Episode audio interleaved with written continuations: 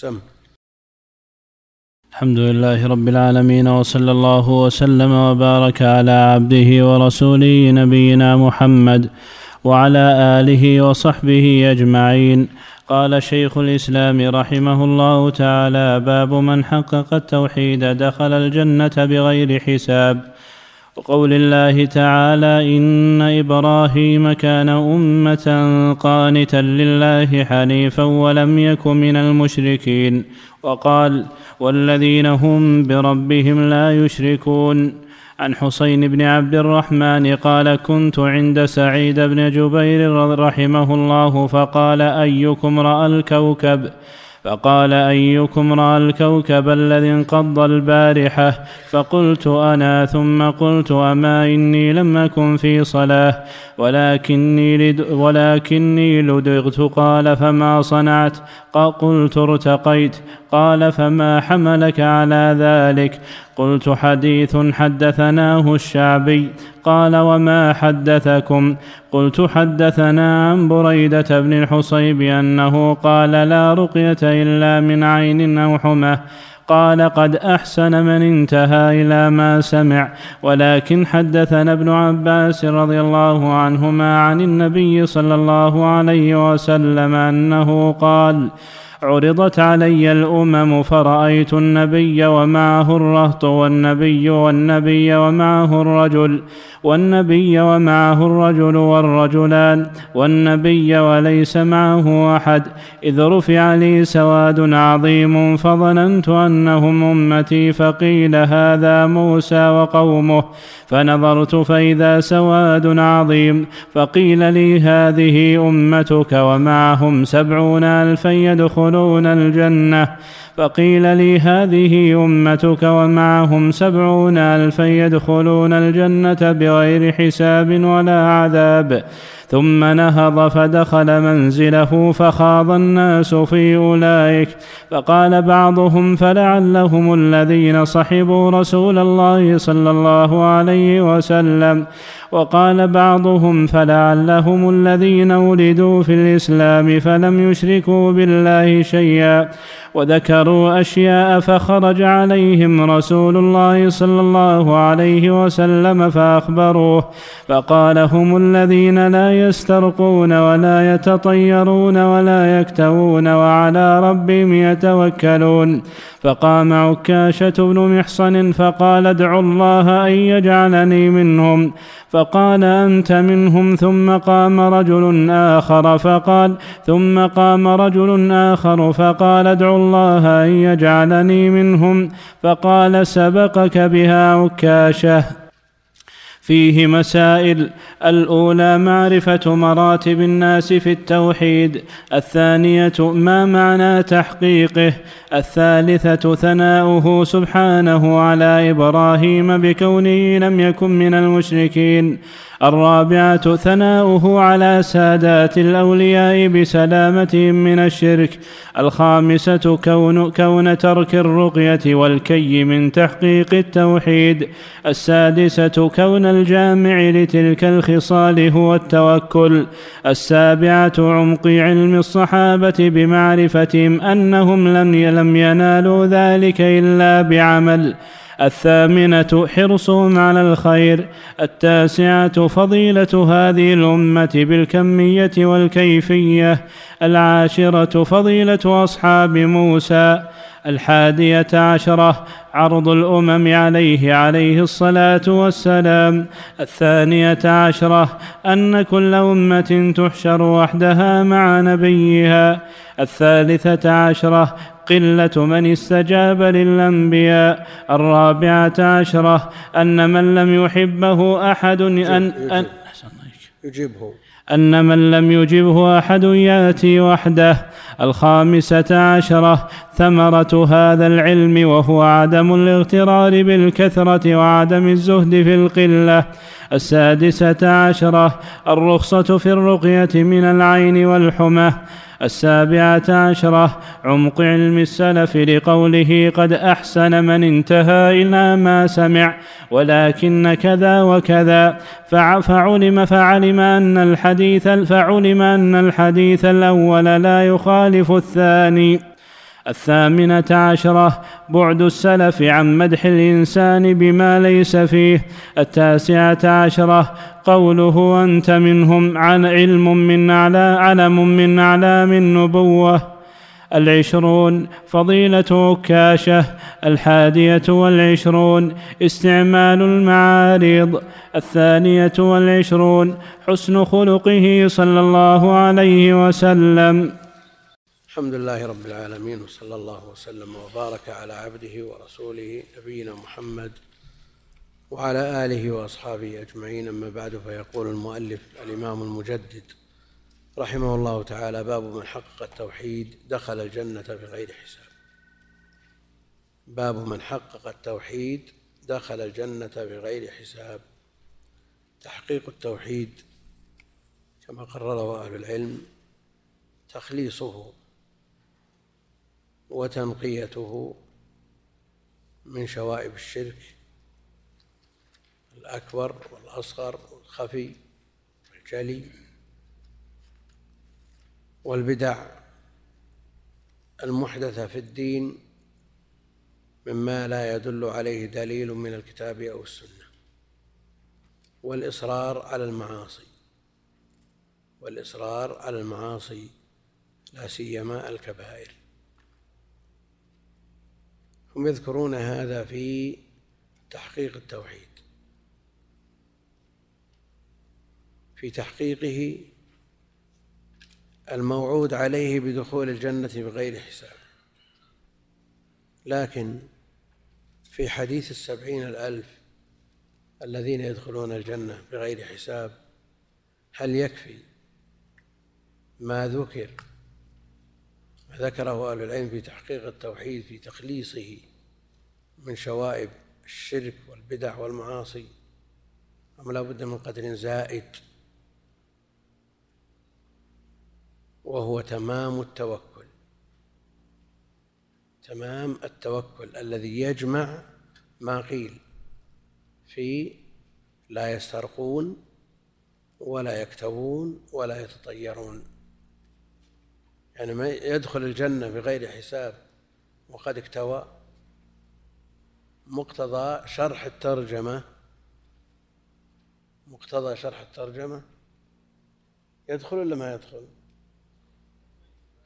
من اكتوى أو استرقى مقتضى شرح الترجمة. باب من حقق التوحيد دخل الجنة بغير حساب. قالوا تحقيق التوحيد تخليصه من شوائب الشرك والبدع والمعاصي. فهل الكي معصية؟ طلب الرقية معصية؟ نعم التطير معصية معروف يرى شرك على ما سيأتي. يعني هل يطلب لدخول الجنة بغير حساب تمام التوكل كما في حديث السبعين الألف الآتي؟ وهل تدل عليه الترجمة وشرح الترجمة من قبل أهل العلم؟ نعم. أيه. نمشي على كلامهم تحقيقه وتصفيته وتخليصه من شوائب الشرك والبدع والمعاصي. نعم. كيف؟ غير مانع من دخول الجنة بغير حساب. الترجم باب من حقق التوحيد دخل الجنة بغير هل من تحقيق التوحيد تمام التوكل ولا لا؟ ها؟ تمامه. يعني افترض إن شخص اكتوى. أنا أقول فعل محرم. ما فعل محرم. كيف؟ شرحهم للترجمة. باب من حقق التوحيد دخل الجنة بغير حساب. ما معنى حقق التوحيد؟ تحقيقه تخليصه والمعاصي. لكن لو أضيف إليه ما يدخل تمام التوكل التأمت الترجمة مع الحديث.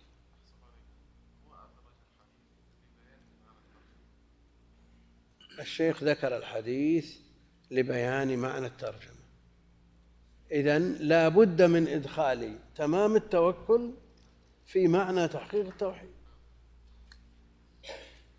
والشراح قاطبة لا يدخلونه. الشراح حينما شرحوا هذه الترجمة ما رأيت أحد أشار إلى أن تمام التوكل الذي يترتب عليه ترك الاسترقاء وترك الكي. هذا في تيسير العزيز الحميد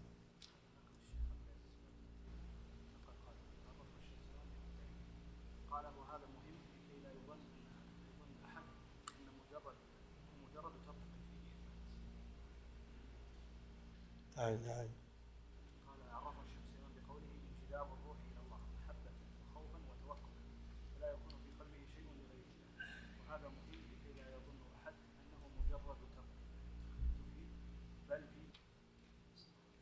نعم لا لابد من ترك المعاصي مع فعل المأمورات. هذا لابد منه.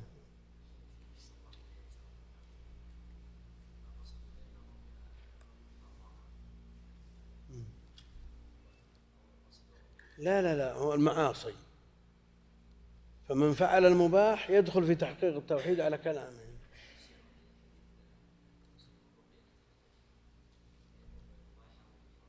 لا على أنها مباحة ما فيها والكي مباح. النبي عليه الصلاة والسلام كوى النبي عليه الصلاة والسلام كوى والخلاف في كونه اكتوى. كونه رقى ورقي عليه الصلاة والسلام. وسيأتي هذا نعم.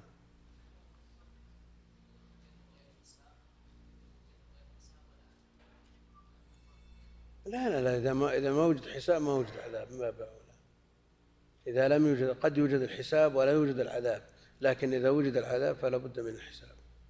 نعم. ها؟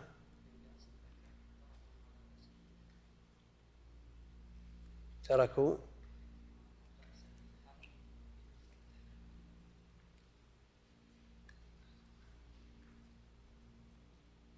لكن كلهم مش معنى تحقيق الترجمة؟ لما قالوا تخليص تحقيق تخليص تحقيقه تخليصه من شوائب الشرك والبدع والمعاصي. إذن هذا الشرح لهذه الترجمة ناقص. يحتاج إلى إضافة ليدخل فيها ما ما أشير إليه في الحديث. لا بد من ذلك. وسيأتي الحديث إن شاء الله تعالى. من حقق التوحيد دخل. من شرطية. فعل الشرط حقق التوحيد وجوابه دخل الجنة بغير حساب بغير حساب. وقول الله تعالى إن إبراهيم كان أمة قانتا لله حنيفا ولم يكن من المشركين. إن إبراهيم إمام الحنفاء ومحطم الأصنام الصابر على الأذى في ذات الله. كان أمة قانتا لله حنيفا ولم يكن مشركا. يعني صبر صبر قد لا يوجد عند عموم الخلق. نعم النبي عليه الصلاة والسلام صبره المثال المحتذى في تحمل أعداء أعباء الدعوة وإبراهيم عليه السلام استحق هذا الوصف الذي يتلى إلى قيام الساعة. كان أمة لأنه صار في وقت من الأوقات منفردا بتحقيق التوحيد ومن حوله كلهم مشركون حتى أقرب الناس إليه في مدة طويلة. حطم الأصنام وأمر بذبح ابنه فتله للجبين ما تردد ولا تأخر. فهو أمة وهو إمام فالأمة تطلق ويراد بها الإمامة. ويطلق على الشخص بأنه أمة يعني أنه كالأمة بما يشتمل عليه من الصفات التي تندر أن التي يندر أن تجتمع. في غيره. بل لا يمكن أن تجتمع إلا في مجموعة من الناس. إن إبراهيم كان أمة قانتا القنوت دوام الطاعة. القنوت دوام الطاعة فهو على الدوام مطيع لله جل وعلا حنيفا من الحنف وهو الميل حنف وأحنف. يطلق على مائل الرجل وهنا من مال عن الشرك وأهله إلى التوحيد. حنيفا ولم يكن من المشركين ولم يكن من المشركين.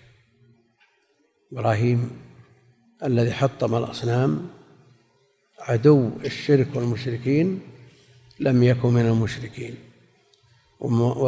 ومفهومه أنه محقق للتوحيد. إذا ترادفت هذه الأوصاف أمة قانت لله حنيفا ولم يكن من المشركين إذن هو محقق للتوحيد. ومع ذلك خاف على نفسه وبنيه من الشرك. جنوبني وبني أن نعبد الأصنام. فليس الإنسان ما دامت روحه في جسده في مأمن عن الزيغ والافتتان نسأل الله الثبات. نبني وبني أن نعبد الأصنام سيأتي في في باب الخوف من الشرك. وإذا كان إبراهيم الذي حطم الأصنام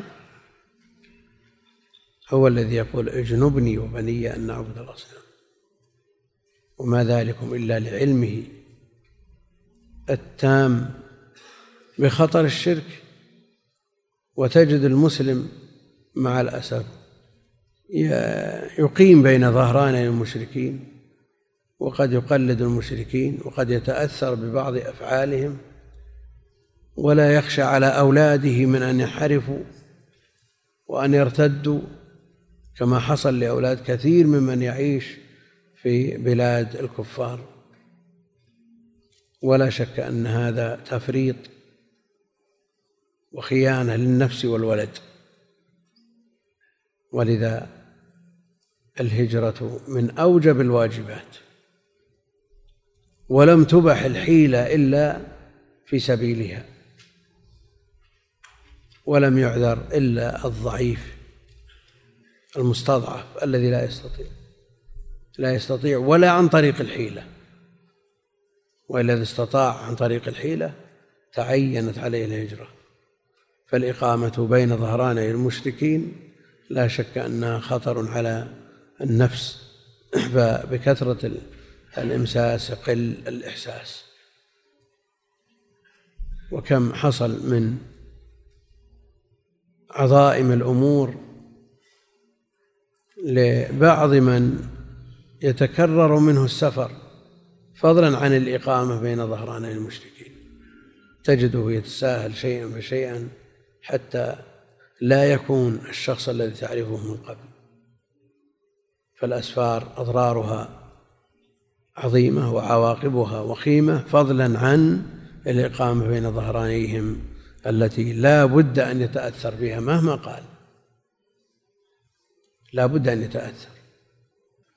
وقول الله تعالى إن الذين هم من خشية ربهم مشفقون إلى قوله والذين هم بربهم لا يشركون. عندك الآية الأولى؟ لا. إن الذين هم من خشية ربهم مشفقون.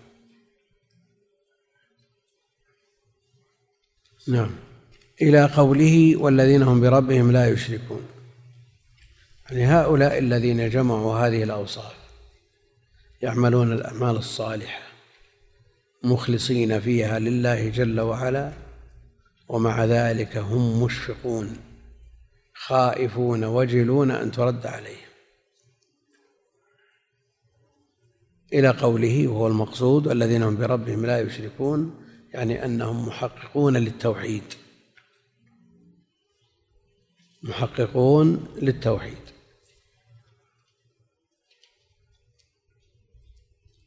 مشفقون من أن ترد عليهم هذه الأعمال كما في قوله جل وعلا والذين يؤتون ما آتوا قلوبهم وجلة. يعني عندهم خوف وإشفاق من أن ترد عليهم الأعمال. وهذا إذا جمع المرء بين حسن العمل مع الخوف والوجل من أن يرد عليه هذا العمل لأنه لا يركن إلى نفسه بل ركونه إلى ربه جل وعلا. فإنه إذا اعتمد على نفسه ووكل إليها فإنه يوكل إلى ضعف وعجز.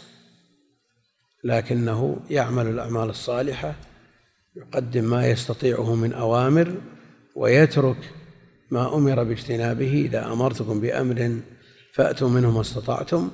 وإذا نهيتكم عن شيء فاجتنبوه ومع ذلك هو خائف وجل أن لا يقبل منه هذا العمل كما حصل من الصحابة رضوان الله عليهم.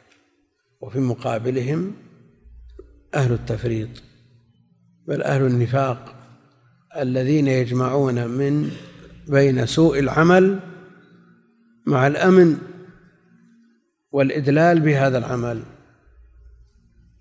ولا شك أن الخوف والخشية. الخشية هي فائدة العلم وخلاصته والإشفاق بمعنى الخشية. إنما يخشى الله من عباده العلماء. تجد بعض الناس يمن على ربه بعبادته بطاعته. إذا فعل شيء كأنما أدخل الناس في دين الله وأخرجهم من الظلمات إلى النور قاطبة. إذا ركع ركعتين وصارت جميع حسناتهم في ميزانه. إذا ركع ركعتين قد لا يحضر قلبه فيهما يتكبر ويتبختر ويقول الحمد لله إحنا يعني مثل ما يسمع في المجالس. يقول ما دمنا نصلي. الحمد لله غيرنا ما يصلي. غيرنا ما يصلي. سمع من يقول أن النار سوف تمتلئ من الكفار. مئات الملايين بل ألوف الملايين كلهم كفار. إلا القليل النادر. لا شك أن هذا أمن من مكر الله ومن عظائم الأمور من عظائم الأمور. كما أن مقابله وهو اليأس من روح الله والقنوط من رحمة الله مثله. فينبغي أن تكون حال المسلم في منزلة بين هذين الأمرين. خائفا راجيا. يحسن العمل يحرص على أن يعمل العمل مع توافر الشروط بالإخلاص والمتابعة ومع ذلك يخشى ويخاف أن يرد عليه هذا العمل. ويرجو رحمة ربه. ويرجو رحمة ربه. ولا يتكل إلى على عمله. إلى قوله والذين هم بربهم لا يشركون يعني أنهم يحققون التوحيد. يقول الحافظ بن كثير رحمه الله تعالى أي من إحسانهم وعملهم الصالح مشفقون من الله خائفون وجلون من مكرهم به من مكره بهم من مكرهم بهم. كما قال الحسن البصري المؤمن من جمع إحسانا وإشفاقا والمنافق من جمع إساءة وأمنا. والآن الاتجاه وما يدور في وسائل الإعلام أن تخويف الناس ينكد عليهم حياتهم. ينكد عليهم حياتهم. فلماذا النار النار النار؟ وبعضهم يعتب على من يأتي بنصوص الوعيد في أوقات في أوقات أفراح وما أشبه ذلك. لكن على كل حال لا بد من التوازن ولا بد من الاعتدال حتى أنه صدر في بعض الجهات خارج هذه البلاد منع الخطباء أن يتحدثوا على النار على المنابر. منعوهم أن يتحدثوا على المنابر عن النار لأن ظروف الحياة صعبة وأكثر الناس يعيش في تعاسة ثم إذا جاء إلى المسجد يسمع النار النار ما بقي من حياته. هذا كلامهم نسأل الله السلامة والعافية. ويريدون من الناس أن يكونوا كالبهائم. همهم الأكل والشرب ولا خوف ولا رجاء. ثم قال رحمه الله تعالى عن حسين بن عبد الرحمن قال كنت عند سعيد بن جبير الفقيه التابعي المفسر التابعي الجليل عند سعيد بن جبير فقال أيكم رأى الكوكب الذي انقض البارحة؟ سقط كوكب شهاب سقط البارحة؟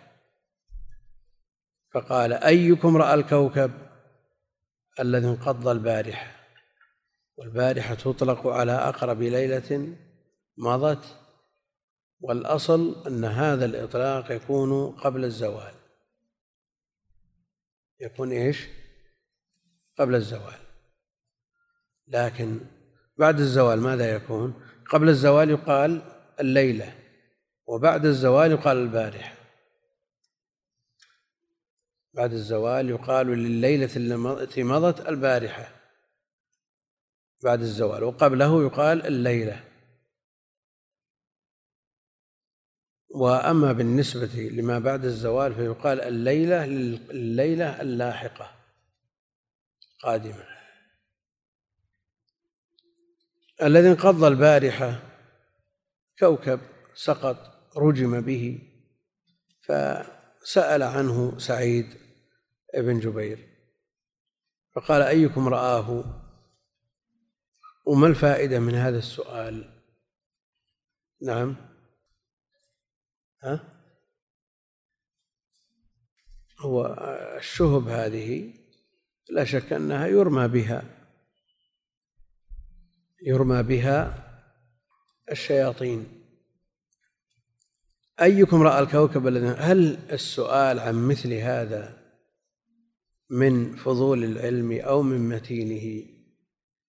سعيد بن جبير تابعي جليل فقيه مفسر إمام حجة معروف قتله الحجاج ولما يكمل الخمسين. يعني السؤال عن مثل هذا. يعني هل أراد أن يختبر من حوله هل فيكم قائم أو كلكم نائمون؟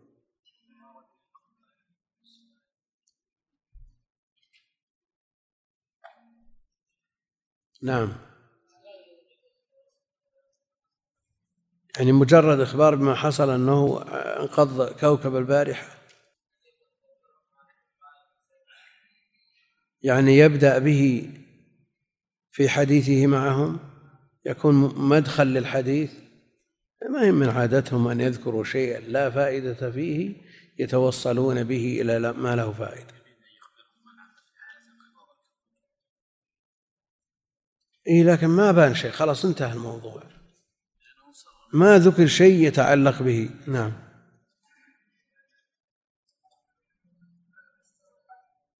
يعني هل كان مقصوده أن يتحدث عن قيام الليل فأراد أن يسأل هذا السؤال ليعرف القائم من النائم؟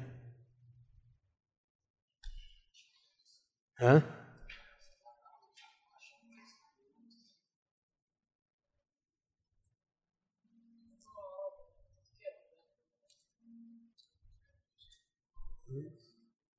ها؟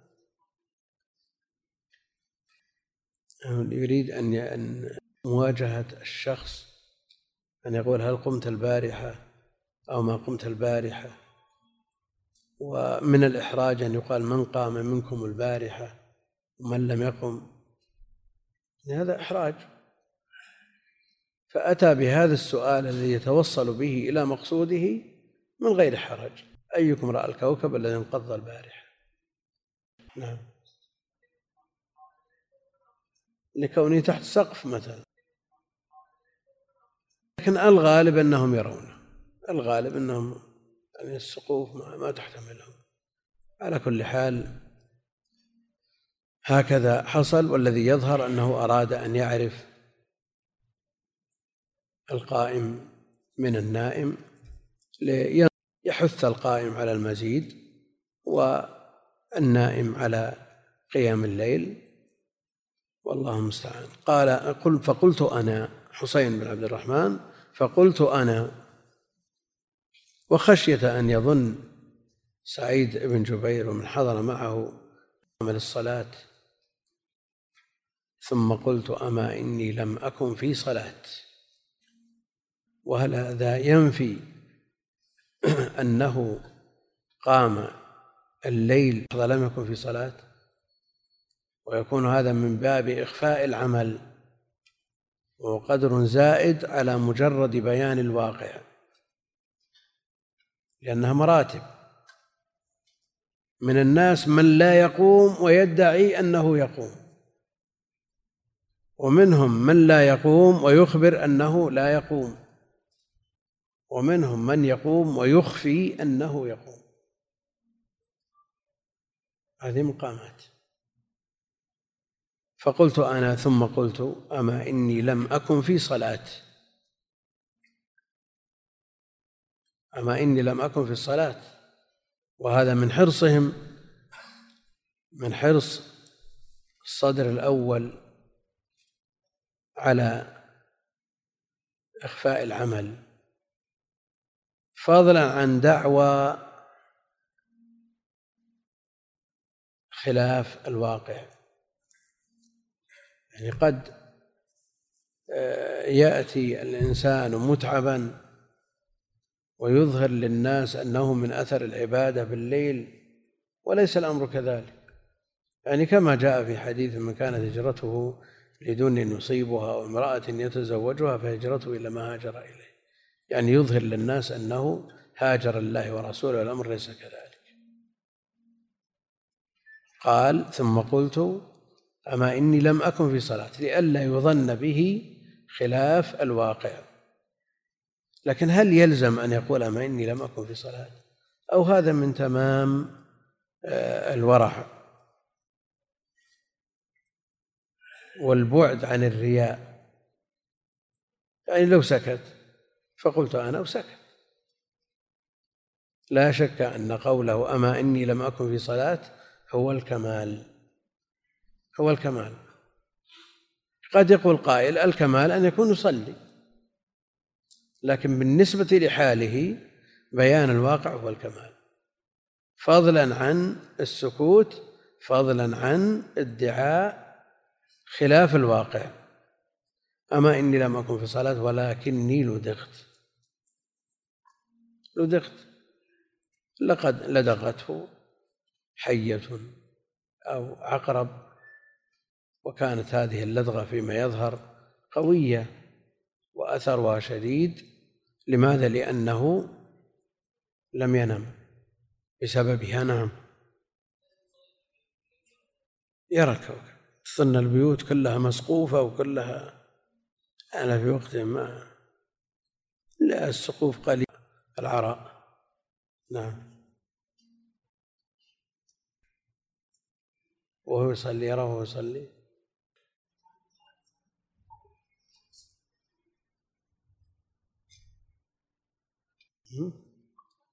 هو له نور بلا شك. على كل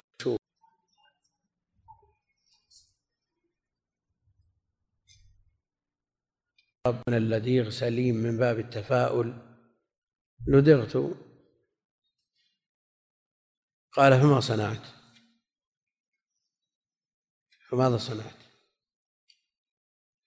الآن الواحد منا إذا أصابه ما يصيبه سيما مثل هذه الأمور المؤلمة يفزع إلى الطبيب. يفزع إلى الطبيب ليصرف له علاج يسكن عليه الألم أو يستفرغ من جسده السم. يفزع. ومنهم من يرقي ومنهم من يسترقي وهناك رقية. للعقرب. ها؟ شركية. تستعمل. الآن يرقي هذه الرقية على يديه ويحمل العقرب ما تلقى وكأنها متداولة من القدم بكلام لا يفهم معناه.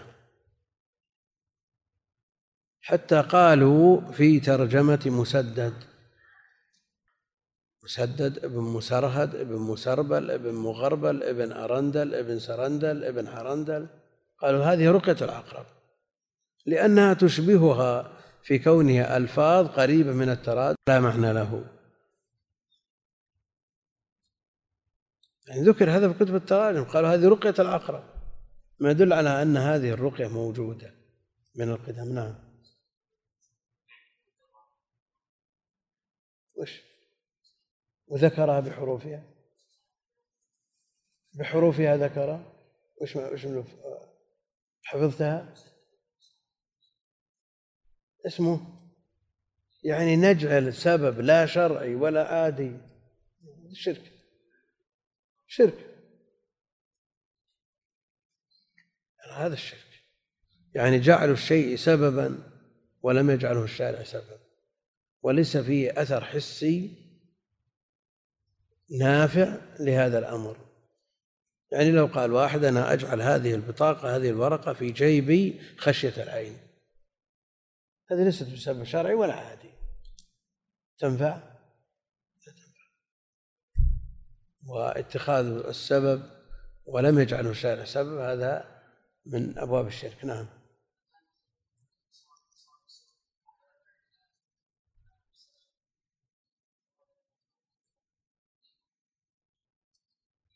هذا من التوكل.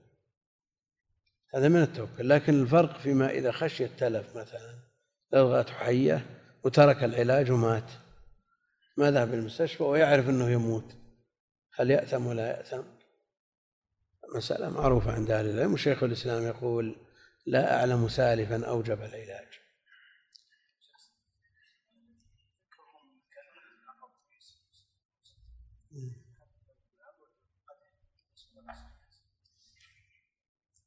هم كأنهم يقارنون هذه الأسماء المترادفة في وزن واحد أنها من باب أشبه ما تكون بالطلاسم. نعم.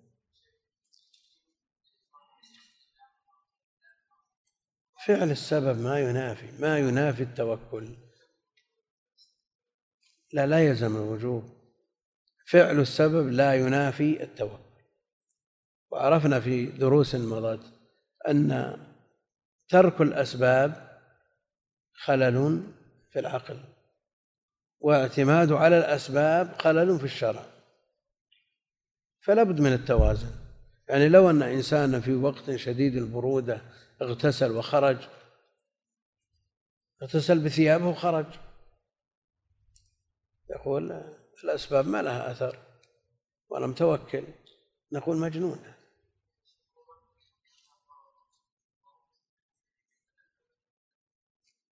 فرق بين التوكل مع ترك العلاج وبين فعل الأسباب ترك الأسباب التي في تركها هلكة الذي هو يتسبب لنفسه بالهلاك. يعني شخص مثل ما قلنا اغتسل في ثيابه في يوم شديد البرد وخرج ونام في السطح. ويقول هذا أنا الأسباب لا قيمة لها. عندي نقول أنت تسببت في هلاك نفسك. فأنت آثم. لكن لو كان يوم شديد برد وعنده آه، ما يستدفئ به وترك. هو ما فعل بنفسه ما فعل ما يهلك بسببه لكنه ترك السبب. عنده ما يستدفئ به وقال السبب هذا لا يلزم. فرق بينه وبين من بذل السبب المهلك وبين من ترك السبب المؤدي إلى الهلاك. فرق بين هذا وهذا. لكن كلاهما مطلوب. فعل الأسباب مأمور به شرعا. مأمور به شرعا. قال فما صنعت؟ قال ارتقيت. ارتقيت. كأن الظاهر أنه رقى نفسه. والرقية لها أثرها العظيم في المرقي بشروطها. وسيأتي باب خاص بالرقى. فالرقية بشروطها لا شك أنها مؤثرة. ومن أنفع أسباب العلاج وأقرب الطرق للشفاء. ارتقيت. ها؟ استرقيت. يعني ما طلبت من يرقيني. استرقيت يعني طلبت من يرقيني. وكأن الحديث آه، ساقه سعيد بن جبير عن ابن عباس من أجل آه، الإيراد عليه في كونه استرقى. طيب. قال فما حملك على ذلك؟ هل عندك دليل أو تعمل بغير دليل لأن السلف معولهم على الدليل؟ حتى قال قائلهم إن استطعت أن لا تحك رأسك إلا بأثر فافعل. قال فما حملك على هذا؟ قال حديث على ذلك قلت حديث يعني حملني حديث. حدثناه الشعبي عامر بن شراحيل التابعي الجليل. قال وما حدثكم؟ قلت حدثنا عن بريدة بن الحصيب أنه قال لا رقية إلا من عين أو حمى. لا رقية إلا من عين أو حمى. لا هذه نافية. هل مفادها النهي يعني لا ترقوا إلا من أجل العين والحمى. وكانت الرقية ممنوعة إلا في هذين كما قال بعضهم أو أنه لا رقية تنفع كنفع الرقية من العين والحمى. يعني تنفع لكن النفع الأعظم في الرقية من العين والحمى. والعين هي إصابة المعيون من قبل العائن بعينه ويسمونها بعضهم يسميها حسد. حسد هذا محسود وهذا يحسد الناس. مع أنه ليس الحسد العين تختلف عن الحسد.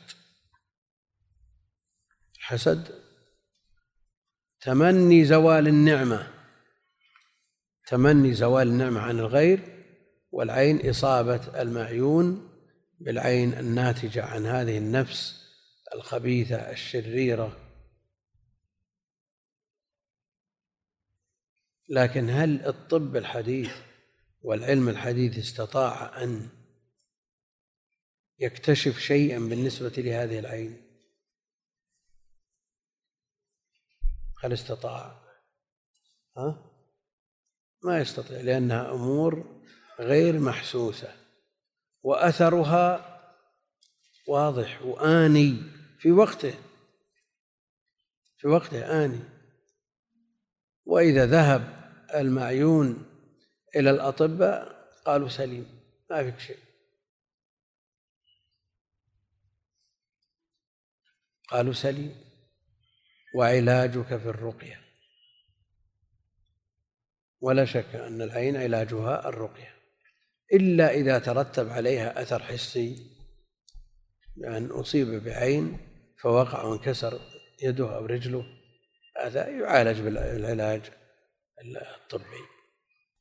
قال لا رقية إلا من عين إصابة المعيون كما حصل من عامر بن ربيعة حينما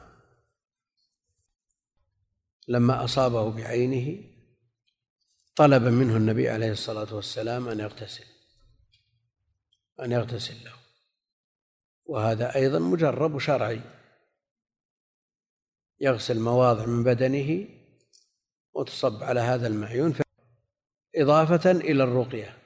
الأصل القلب السليم لا يمكن أن يصدر منه عين. لا بد أن يكون في نفس الشيء. تظن أنه مثل الشخص الذي قال يدخل عليكم رجل من أهل الجنة قلبه سليم؟ لا. ما يعرف هذا من من من صاحب القلب السليم. نعم. آثم آثم. عيان في النار. على كل حال إذا إذا قتل بعينه يختلف أهل العلم هل يقاد منه أو لا يقاد أو يحبس لئلا يتضرر غيره ويدفع الدية. المقصود أن مسألة خلافية نعم. هذا يعزر هذا لا بد أن يعزر. لا بد أن يعزر وكف شره عن الناس. ها؟ شيء بعض الناس يبالغ يبالغ. كل ما أصيب بشيء قال معيون. وبعضهم ينفي العين ويتحدى العائن. وهذا أيضا ليس بصحيح لأن العين حق. فلا هذا ولا هذا والمطلوب التوسط. يتوكل على الله جل وعلا ولا يعرض نفسه لشخص عرف بإصابته نعم.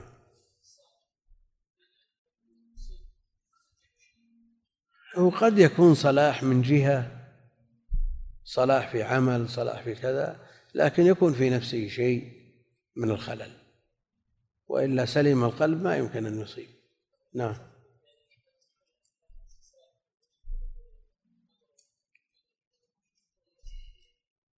على كل حال العين حق.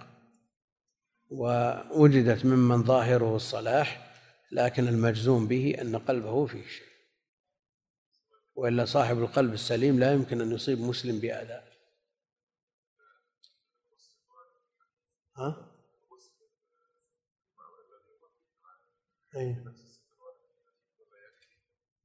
على كل حال إذا غسل شيء من من بدنه نفع بإذن الله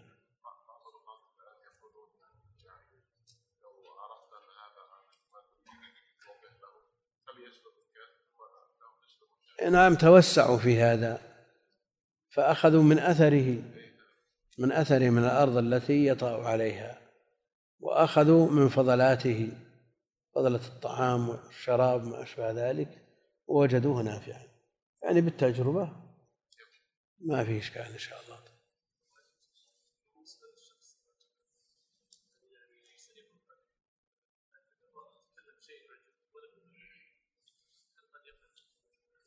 الأصل أنه لا يقع ما دام القلب سليما أنه لا يقع لكن قد يكون في وقت من الأوقات لأن أمر الإنسان ليس على وتيرة واحدة في حياته كلها. الإيمان في قلبه يزيد وينقص ويضعف وقد تتجه نفسه إلى شيء في وقت لا تتجه نفسه إلى إليه في غيرها. التبريك إذا رأى ما يعجبه يبرك يبادر بالتبريك ليسلم الناس إن كان فيه شر. هذا هو الأصل. ها؟ يعني ما باشره بنفسه جرب هذا فوجد نافع لا سيما ما يتركه من طعام أو شيء منه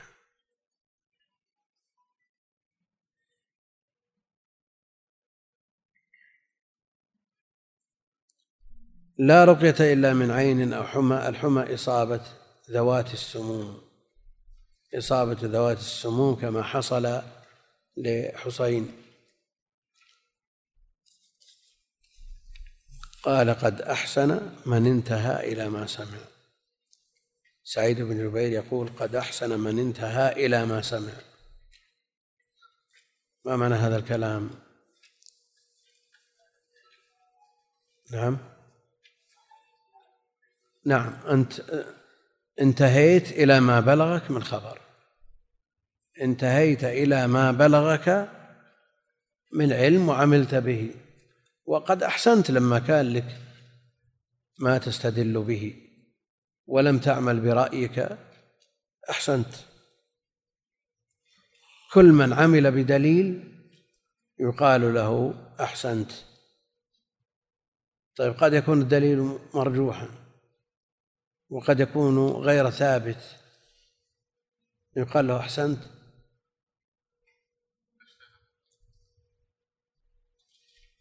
يعني هو عنده ثابت الحديث أو يراه ثابتا. والله لماذا صنعت؟ قال والله سمعت من يحدث عن الرسول عليه الصلاة والسلام أنه قال كذا. يعني لو وجدت شخص يصلي صلاة الرغائب أو التسابيح من عوام المسلمين فقلت له هذه الصلاة شلون صلي؟ بارك صلاة. لماذا صليت هذه الصلاة؟ قال أنا قرأت في كتاب يحث على هذه الصلاة بهذه الكيفية. نقول لو قد أحسن من انتهى إلى ما سمع لكن الحديث ضعيف فلا يجوز العمل به.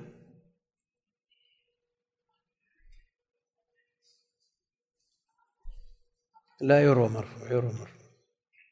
يروى مرفوعا. لا الحديث يروى مرفوع على كل حال هل يقال لكل شخص عمل بخبر بلغه أحسنت؟ مثل ما ذكرنا شخص يصلي صلاة الرغائب أو صلاة التسابيح. ثم إذا قيل له قال والله قرأت في الكتاب الفلاني أن لها فيها أجر عظيم وثواب. وصيغتها صيغة الخبر تغري بها. فصليت هل نقول لا يا أخي أنت غلطت لأن الحديث ضعيف أو نقول أحسنت لأن الحديث لكن الحديث ضعيف. أحسن من انتهى إلى ما سمع ولكن هل نقول هذا وهذا أو نقول أنه ليس لك العمل بمقتضى علمك. لا تبادر بالعمل حتى تسأل لأنك ليس من أهل النظر لست من أهل النظر. لأنه قد يعمل بعمل محرم. معوله على حديث ضعيف وموضوع. نقول ما دام عملت بحديث ظنا منك أنه يروى عن النبي عليه الصلاة والسلام أحسنت لكن الحديث ضعيف أو موضوع. أو نقول لا. لا لأن هذا يغريه مرة أن يفعل مرة ثانية. يفتح كتاب أي كتاب. ثم بعد ذلك يجد فيه حث على عمل فيعمل. ثم بعد ذلك ينبه فيما بعد نقول لا قف. ولو كان في أول مرة يتلطف معه في الأسلوب يقال أحسنت لأنك عملت بأثر لكن هذا الأثر ضعيف. ولا تعود لمثل هذا حتى تسأل عن أهل العلم عن هذا الخبر هل هو يثبت أو لا يثبت. كأن هذا هو المتجه. لا سيما وأن الأمر قد وقع وفي هذا أسلوب حسن أدب قد أحسن من انتهى إلى ما سمع ولكن حدثنا ابن عباس. هذا الاستدراك هذا الاستدراك يفيد أن ما قبله مرجوح أو باطل. ها؟ مرجوح يعني مفضول. أو باطل من أصله. يعني مثل ما قلنا بمن عمل بحديث موضوع أحسن من أنت أحسنت لأنك عملت بخبر تظنه عن النبي عليه الصلاة والسلام لكن ترى الخبر موضوع ولا يصح ولا يجوز العمل به. يختلف. يختلف باختلاف المستند الذي عول عليه من عمل فقد يعمل بحديث صحيح لكنه منسوخ يعمل بحديث صحيح لكنه مخصص يعمل بحديث صحيح لكنه مقيد.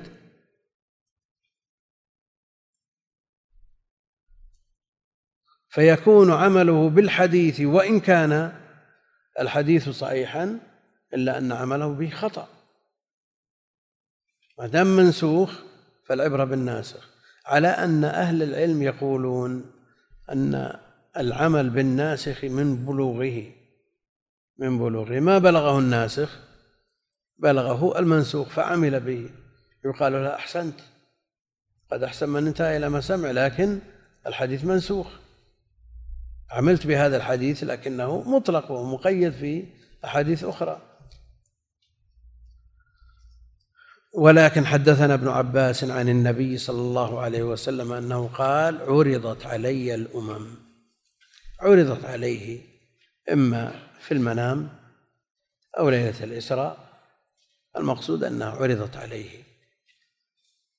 عليه الصلاة والسلام. وذلك لأنه أفضل الأنبياء وأشرف الأنبياء. إذ لا يمكن أن يعرض الفاضل على المفضول. يمكن أن يعرض الفاضل على المفضول؟ يعرض المفضول على الفاضل لكن يعرض الفاضل على المفضول؟ ها؟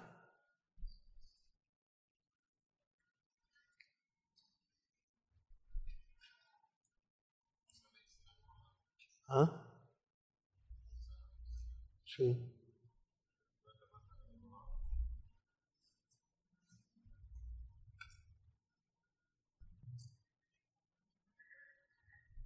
لكن هل عرضت عليه؟ هو رأى فرق بين أن يرى وبين أن تعرض. الفاضل يرى المفضول لكن ما يعرض الفاضل على المفضول.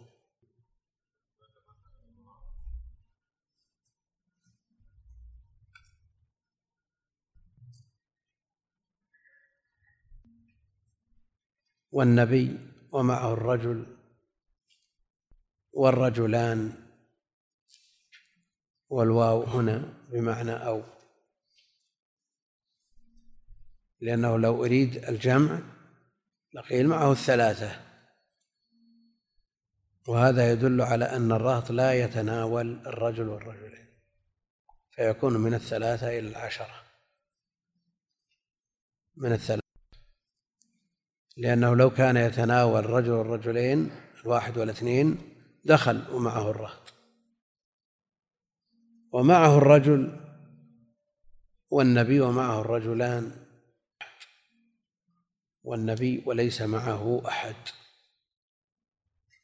في هل في هذا منقص لهذا النبي الذي لم يستجب له أحد؟ النبي ليس عليه إلا البلاغ. ليس عليه إلا البلاغ. هنا يقول فرأيت النبي ومعه الرهط والنبي ومعه الرجل والرجلان والنبي وليس معه أحد. هؤلاء الأنبياء دعوا أقوامهم.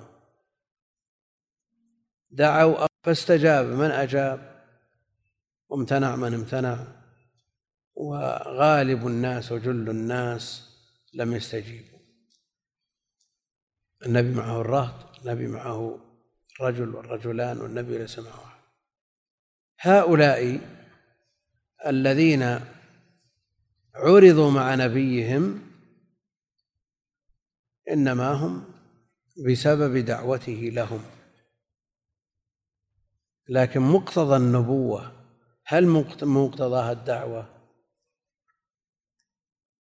أو أن هؤلاء اقتدوا به من غير دعوة؟ النبي أوحي إليه بشرع ولم يؤمر بتبليغه على قول الاكثر أو نقول هنا الرسول. ورأيت الرسول ورأيت الرسول معه الرجل والرجلان ورأيت الرسول ليس معه أحد. أو أن الفرق يطلب إذا اجتمع بين النبي والرسول وإذا افترق دخل كل واحد منهما في الآخر. أو يكون هذا من باب الرواية بالمعنى. لأن كل رسول نبي. كل رسول نبي. ولا ينفي كونه نبيا أن يكون رسولا فيدعو قومه فيستجيب من يستجيب ويمتنع من يمتنع. لأنه لا يمكن أن يستدل بهذا الحديث على أن النبوة الرسالة معنى واحد.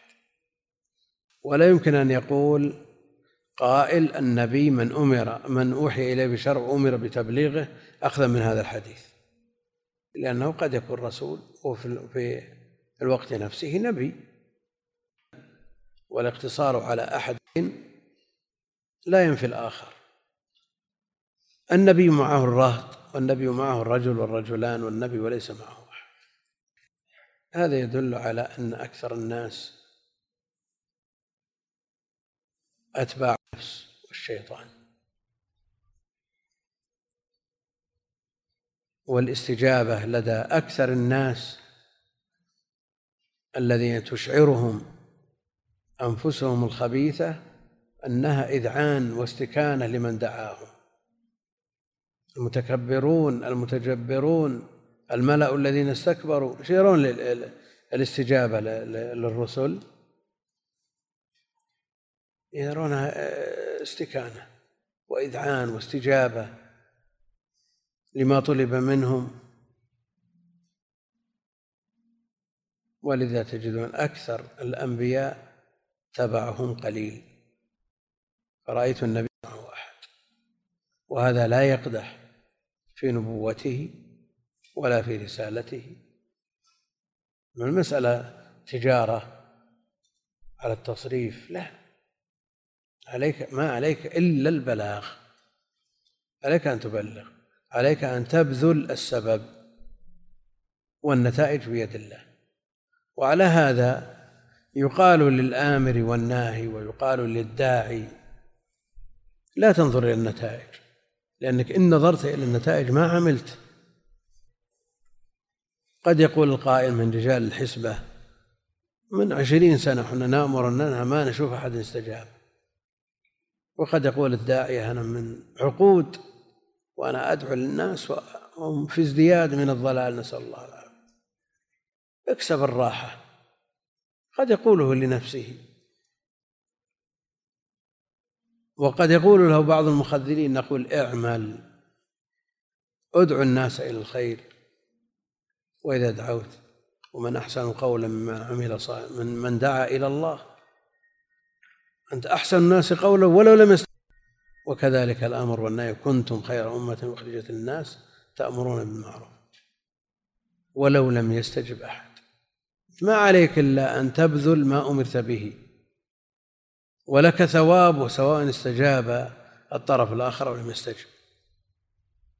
ونسمع من يكتب أن أن نوحا عليه السلام فشل في دعوته. يعني النبي الذي قتل ما استجاب له أحد بل زاد الأمر ذلك قتل هل نقول فشل في دعوته نعم حاشا وكلا. هذا حقق ما طلب منه وما زاد على ذلك هذا ليس بيده ويكتب من يكتب أن نوحا فشل في دعوته في هداية أقرب الناس إليه. إنك لا تهدي من أحببت.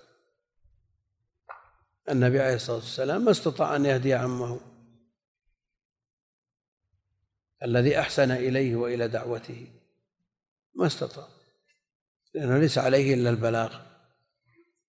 ويقول الكاتب وفشل النبي صلى الله عليه وسلم في دعوته بمكة والطائف ونجح في المدينة. يعني يربط النجاح والفشل بالاستجابة. بالاستجابة. والله جل وعلا يقول ما عليك إلا البلاغ ما على الرسول إلا البلاغ. فإذا بلغ البلاغ المبين وبين في وقت البيان أدى مهمته واستحق أجره.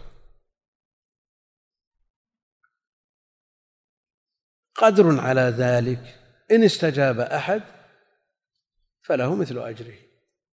يعني رأس المال ضمن بمجرد الدعوة. بمجرد الأمر والنهي رأس المال ضمن. يبقى مكاسب. تجعل الإنسان يسلك الأساليب المؤثرة من أجل هداية الناس ويحرص على ذلك ويخلص في قوله وعمله ليستجاب له. وما عدا ذلك ليس له. لأنه يأتي النبي وليس معه أحد. وليس هذا بعيب ولا فشل ولا كما يقول بعض السفهاء الذين يكتبون. نعم.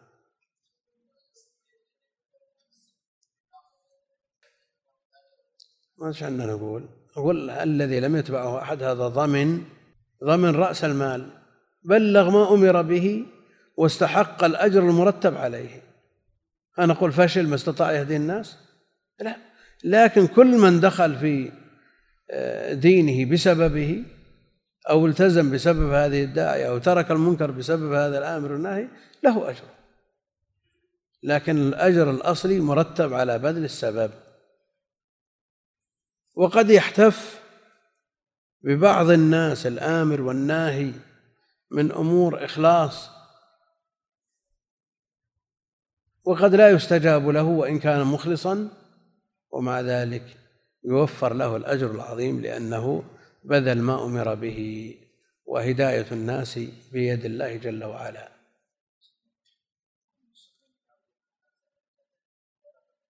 نعم. لأنه إذا كان أكثر تابعا فهو أكثر أجرا. لأن من دل على هدى فله مثل أجر فاعله. أولا هو رحمة للعالمين ومقتضى كونه رحمة أن يدخل الناس كلهم في دينه وأن ينجو بسببه من النار. هذه رحمة. ولذلك الجهاد في سبيل الله الجهاد في سبيل الله بما فيه جهاد الطلب.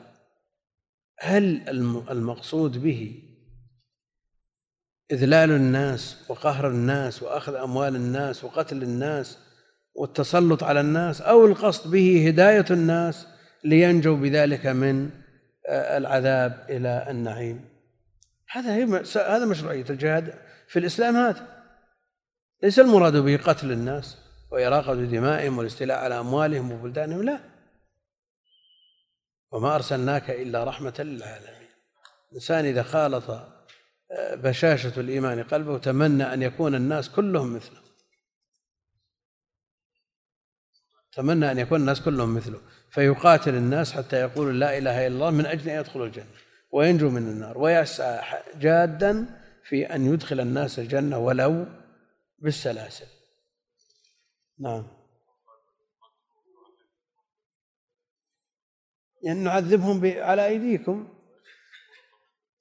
هذا إذا إذا إذا لم يستجب الكافر لهذه الرحمة ولهذه الشفقة عليهم من عذاب النار لا بد أن يخير بين أن أن يقتل وبين أن يدفع الجزية. كما هو معروف في مواضعه. يعني فيه نصوص تحث المجاهد على الجهاد. وليس معنى هذا أنه يتشفى بجهاده من خصمه. وليجدوا فيكم غلظة. هذا إغراء بالجهاد. إغراء بالجهاد الذي هو في الأصل رحمة للمجاهد. رحمة للمجاهد من أجل أن يقول لا إله إلا الله فينجو من عذاب الله إلى نعيمه وجنته. نعم.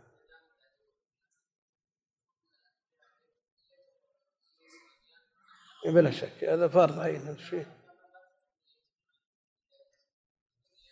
الآن فرق بين شخص يطلب يطلب هداية لكن من يدافع عن نفسه؟ الذي يدافع عن نفسه بصدد الدفاع عن لأن هناك مهم وهناك أهم.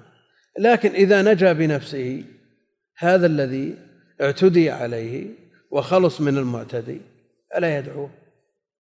يعني شخص دخل بيت لص مثلا أو صائل يريد أخذ المال وقتل النفس. تمكن منه صاحب البيت. ألا يمكن أن يوجه له موعظة؟ يهدى بسببها. هذا الأصل في المسلم. إذ رفع لي سواد عظيم. سواد. سد الأفق ملأ الأفق من كثرته. فظننت أنهم أمتي. فقيل لي هذا موسى وقومه. وهذا يدل على أن أتباع موسى كثر سواد عظيم. وأنهم بتبعيتهم لموسى فضلوا على العالمين والمقصود عالم زمانهم. وهل يقال إن أمة موسى أفضل للأمم بعد أمة محمد عليه الصلاة والسلام؟ وهل من لازم ذلك أن يكون موسى أفضل الأنبياء بعد النبي عليه الصلاة والسلام؟ لا يلزم. هم فضلوا على عالم زمانهم وموسى له هذه الأجور العظيمة بسبب من تبعه وهو من أولي العزم لكن لا يلزم بذلك أن يكون أفضل من إبراهيم عليه السلام. فقيل لهذا موسى وقومه. فنظرت فإذا سواد عظيم فقيل لي هذه أمتك. وهم أكثر من قوم موسى ومن أجاب دعوة موسى.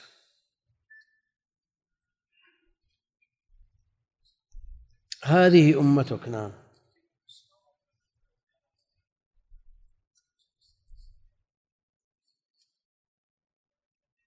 أو العكس أو العكس. يعني ترتيبهم في السماوات. نعم. هل له مزية؟ يعني موسى عيسى وزكريا ابني الخالة في سماء واحدة. هل معنى هذا أنهم في الفضل سواء نعم.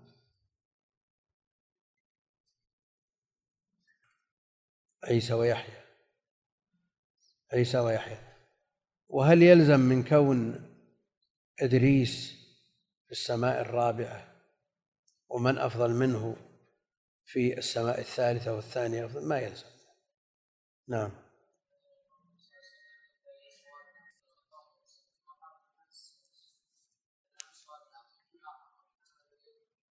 لا لا التساوي ما يلزم من من هذا التعبير التساوي هو عظيم بلا شك. قوم موسى تبعه جموع غفيرة لكن أكثر منهم من تبع النبي عليه الصلاة والسلام. في اللفظ سواد عظيم سواد عظيم. لكن أيضا هذا هذا السواد أيضا هو نسبي. ها؟ معروف لكن ما يلزم. أنت إذا رأيت آه، جمل كبير. تقول جمل عظيم كبير. ورأيت واحد جمل كبير ثاني هل يلزم منهم التساوي؟ ما يلزم. المهم إنه هذا بالنسبة للجمال كبير وهذا كبير قد يكون أكبر منه وكلاهما كبير. لأن الكبر والصغر والعظم والقلة كلها أمور نسبية أمور نسبية. فقيل لهذه أمتك ومعهم سبعون ألفا.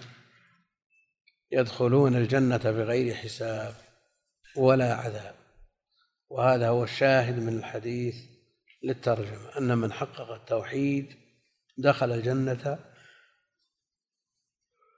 بغير حساب. ومعهم سبعون ألفا يدخلون الجنة بغير حساب ولا عذاب. وفي رواية مع كل ألف سبعون ألفا. وعلى هذا يقربون من خمسة الملايين أربعة ملايين وتسعمائة ها؟ وجاء في كل مع كل واحد. جاء مع كل ألف وجاء مع كل واحد منهم. فيكون العدد هائل جدا وفضل الله واسع. لكن ما صفتهم؟ النبي عليه الصلاة والسلام ما بين السبب الذي به يدخلون الجنة بغير حساب ولا عذاب نهض فدخل منزله. فخاض الناس في أولئك. الناس الذين حضروا هذه المقالة من الصحابة تلمسوا وتوقعوا الأوصاف التي استحق بها هؤلاء دخول الجنة بغير حساب ولا عذاب. من توقعاتهم ما نقل فقال بعضهم فلعلهم الذين صحبوا رسول الله صلى الله عليه وسلم يعني الصحابة. وهم أكثر من سبعين ألفا. وقال بعضهم فلعلهم الذين ولدوا في الإسلام فلم يشركوا بالله شيئا وهؤلاء قد لا يبلغون سبعين ألفا. لأن أكثر من في عهده عليه الصلاة والسلام من أسلم. وأما من ولد في عهده عليه الصلاة والسلام فأقل بكثير من هذا العدد. ها؟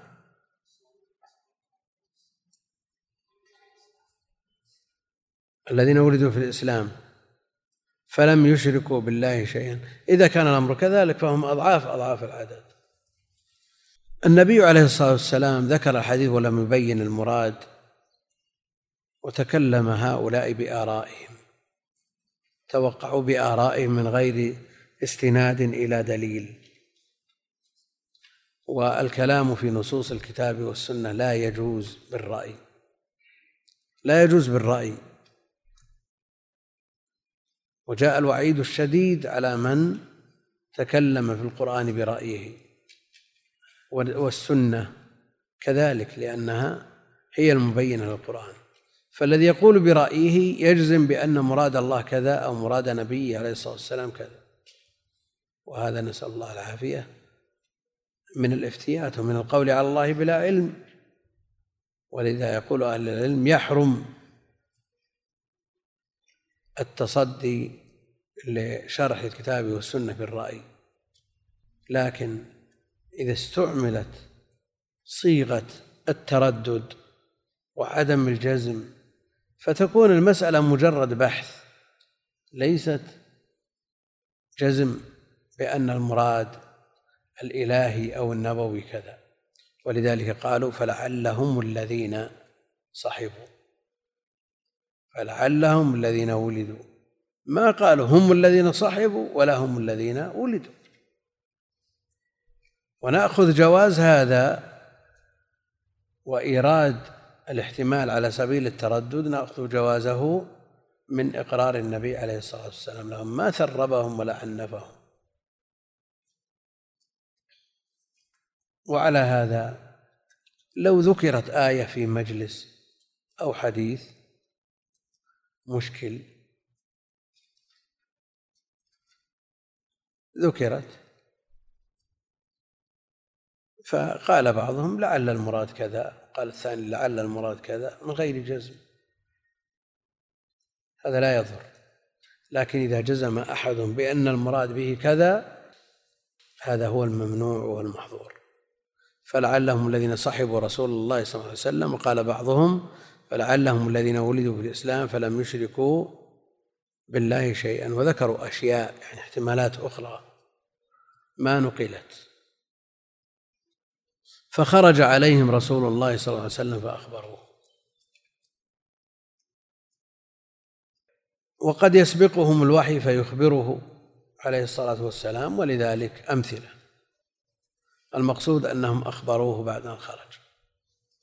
فقال مبينا الأوصاف التي استحقوا بها دخول الجنة بغير حساب ولا عذاب فقال هم الذين لا يسترقون. لا يسترقون السين والتاء للطلب يعني لا يطلبون من يرقيه. لا يطلبون من يرقيهم. وجاء في بعض الروايات لا يرقون وحكم عليها الحفاظ بأنها شاذة وليست محفوظة لأن الرقية لأن الراقي محسن. الراقي محسن وتوكله على الله جل وعلا تام بخلاف الذي يسترقي الذي يطلب الرقية. وهل الطلب يشمل القول والحال أو يختص بالقول بالقول والحال أو بالقول؟ يذهب إلى فلان ويقول ارقني يا فلان. هذا طلب الرقية. لكن شخص مريض دخل عليه رجل صالح ففتح الأزارير وتأهب للرقية. ما قال القني. يعني هذا طلب بلسان حاله أو بلسان مقاله. الطلب حاصل لكنه بلسان الحال وليس بلسان المقال. فهل فعله هذا يخرجه من السبعين الألف أو لا؟ ها؟ وهل الإشارة المفهمة تأخذ حكم العبارة مطلقا أو لا؟ ها؟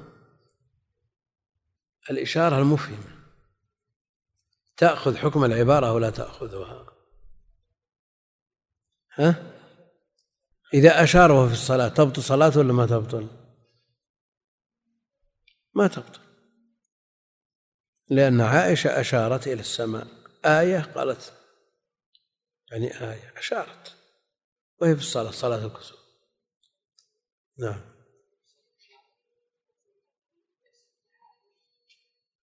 طيب إذا تمنى؟ تمناه ما طلب ما استرقى ولا رقي أصلا لكن تمنى. لأن السين والتاء للطلب. وهل الطلب خاص بالمقال أو يشمل الحال؟ نعم. يدل يدل. لما أقبله على السرير في المستشفى. فتح الأزرار و... ها؟ وفتح قارورة الماء ووضعها على يستوي. ها؟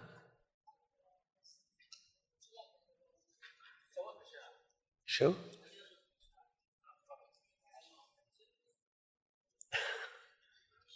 لأني أقول هذا الكلام وقد رأيت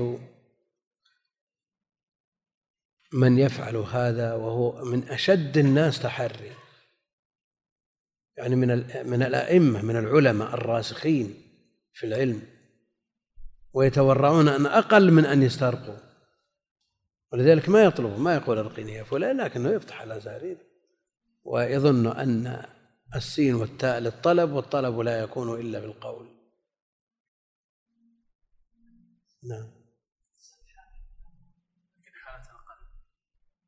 هو إذا أحلنا على القلب قلنا ما يحتاج يسترقي مجرد ما يتمنى القلب فعل وهذا المقصود انه الاعتماد على الله جل وعلا بالتوكل هذا الان فيه في ميلان قلب إلى قراءه الراقي ظهر فيها ضعف التوكل إخوان ضبط النفس عند النصوص يعني كون النفس تتمنى وتشتهي وترغب وكذا لكنه عند النفس يقف. أليست هذه منقبة له؟ قد يكون أفضل ممن لم يستحضر. يعني نفسه تميل وتتوق إلى الرقية. والله سمع أن فلان فيه نفس المرض وقرأ عليه فلان شيء من القرآن وشفي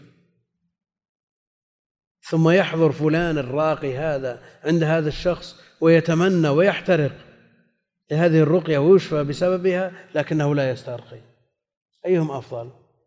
أو الذي لم يخطر على باله أصلا؟ الثاني هذا عنده جهاد هذا.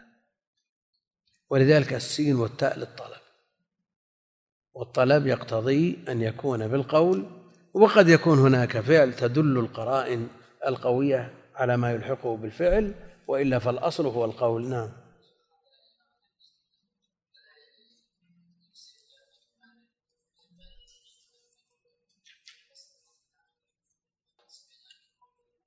أنا أقول أن هذا الصراع النفسي يتمنى ويحترق أن يشفى لا سيما والألم يعتصره يعتصر بدنه يعتصر قلبه ومع ذلك لا يطلب. هذا لا شك أن مقامه رفيع. نعم.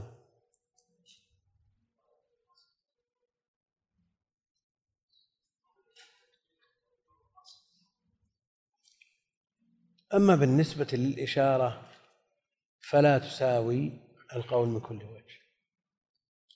لا تساوي. لكن الفعل عموما قد يقوم مقال القول لأن العقود تحصل بالإيجاب والقبول وتحصل بالمعاطاة وتحصل ويثبت بها البيع والشراء. لكن الإشارات عائشة أشارت وهي في الصلاة بأصبعها وهزت رأسها النعم لما سألتها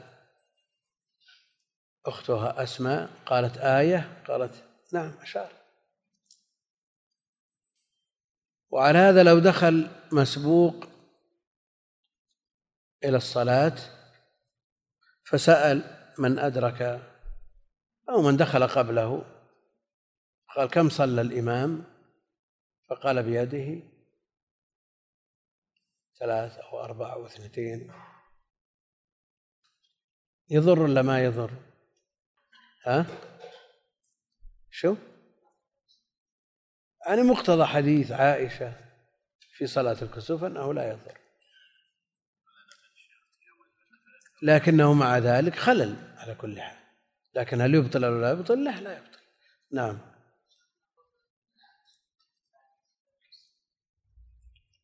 لا شك أن الإقبال على ما هو بصدد ترك جميع من حوله هذا هو الأصل في الصلاة.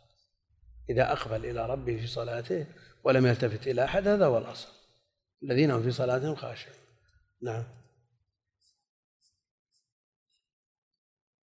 شيء؟ إيه. يعني أنفع. أنفع بلا شك وأقرب إلى الإخلاص. يعني ما في شخص يخلص لك مثل ما تخلص لنفسك. لكن السين والتاء هنا للطلب. الذي يرقي نفسه أو يرقى من دون طلب هذا ما ما, ما يدخل في الحديث ما يرقى ما يدخل في الحديث. لكن الذي يطلب بصراحة هذا لا إشكال فيه. والذي يطلب يطلب بالقرائن المفهمة آه، محل نظر. نعم.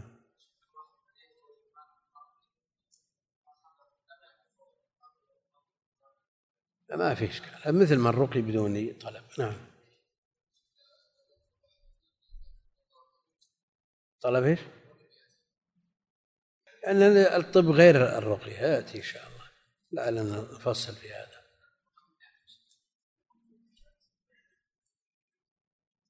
قلنا أن مجرد الالتفات التمني فقط فيه التفات. والحديث يقول هم الذين لا يسترقون. لا يسترقون. والرقية جائزة لا إشكال فيها. لأن النبي عليه الصلاة والسلام رقى ورقي. لكن من تمام التوكل أن تترك. رغم أنها شرعية وبالكتاب والسنة والأدعية الصحيحة. لكن هل في حكمها الاستطباب؟ جاء الأمر بالتداوي. ولا شك أنه سبب. لكن إن حصل التفات إلى أن الشفاء للطبيب فيه دور وللعلاج فيه دور فهو مثل الرقية أو أشد. لكن إذا قال الشفاء بيد الله جل وعلا والشافي هو الله. وقد أذهب إلى هذا الطبيب فيخطئ في العلاج فيزيد المرض. وقد يصيب وقد لا أنتفع. وقد يكون في بدني ما يضاد هذا العلاج. المقصود أن مثل هذه الأمور إذا لم يلتفت فيها للطبيب وأن بيده شيء من الشفاء هذا لا يضره. وجاء الأمر بالتداوي تداوى ولا تداوى بحرام. على أن الأمر هل يراد به الإباحة أو الاستحباب؟ مع أن شيخ الإسلام يقول لا أعلم سالفا أوجب العلاج. نعم.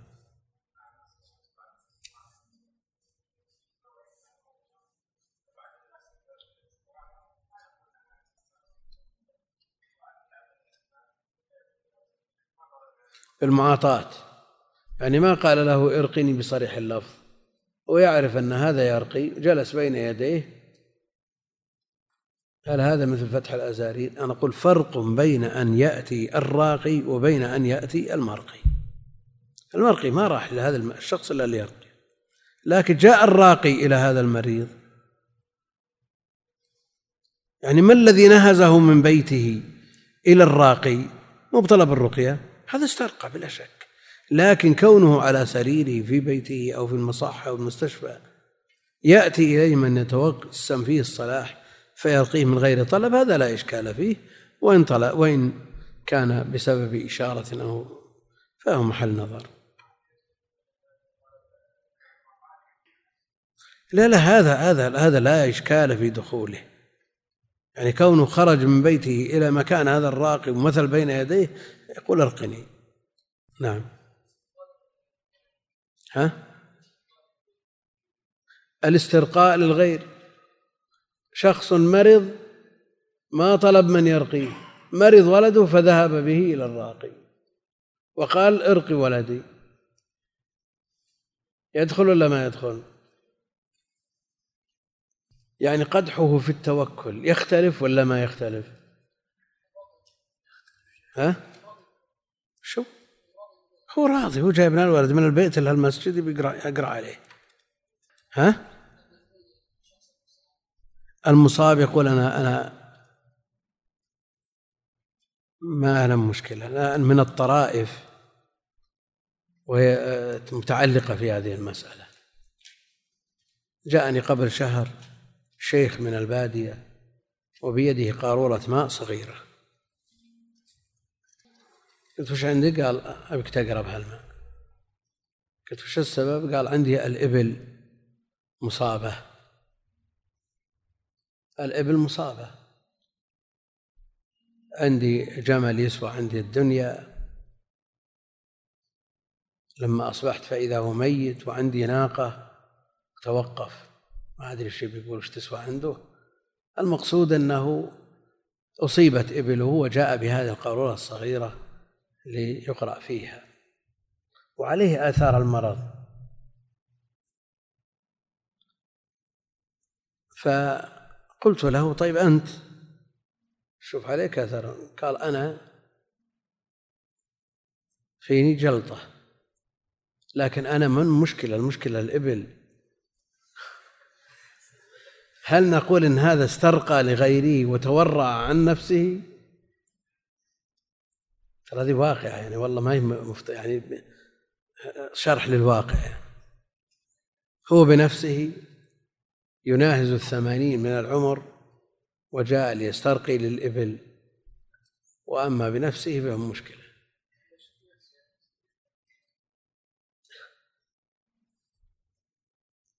هل نقول أن هذا استرقى لغيره؟ وهل يستشف من حاله أن يتورع عن الرقية؟ أو أنه يفضل الإبل على نفسه. والله الظاهر الثاني يعني من خلال عرضه وأسلوبه أنه يفضل الثاني. يفضل الإبل على نفسه. نرجع إلى مسألة من يسترقي لغيره. مرض بنفسه ما طلب من يرقيه. مرض ولده فهرع إلى الرقاة. ومن راقي الراقي. هل يدخل في هذا ولا ما يدخل؟ ها؟ لكن لو نظرنا إلى لفظة يسترقون. يسترقون. يسترقون يعني يطلبون الرقية. يطلبون الرقية. فيدخل فيها النفس والغير. هذا الأصل. أما دخول النفس فواضح دخول الولد أيضا العلة ظاهرة لكن دخول الجار مثلا. مرض الجار فحمله في سيارته وذهب إلى أحد يلقيه هذا يؤثر على توكله هو؟ أو الشخص ذا. ما يؤثر على توكله. نعم. كيف؟ طيب. ينفع يرقي. يرقي. سيكفي الخان ولا؟ ها؟ شو؟ اي مبتسرين لكن الصيام ترى يحتاج الاستعداد يحتاج الاستعداد اي لأن التفصيل حتى في الكي وفي أمور ثانية يحتاج إلى. الحديث لن ينتهي يعني. ها؟ لا البكرة إن شاء الله نعدكم أننا نمد الدرس إلى السادسة والربع. اليوم إلى السادسة. لا ترى الساعتين مواصلة ما هي بسهلة. ساعتين وزيادة ليست بالسهلة اللهم صل وسلم على عبدك ورسولك.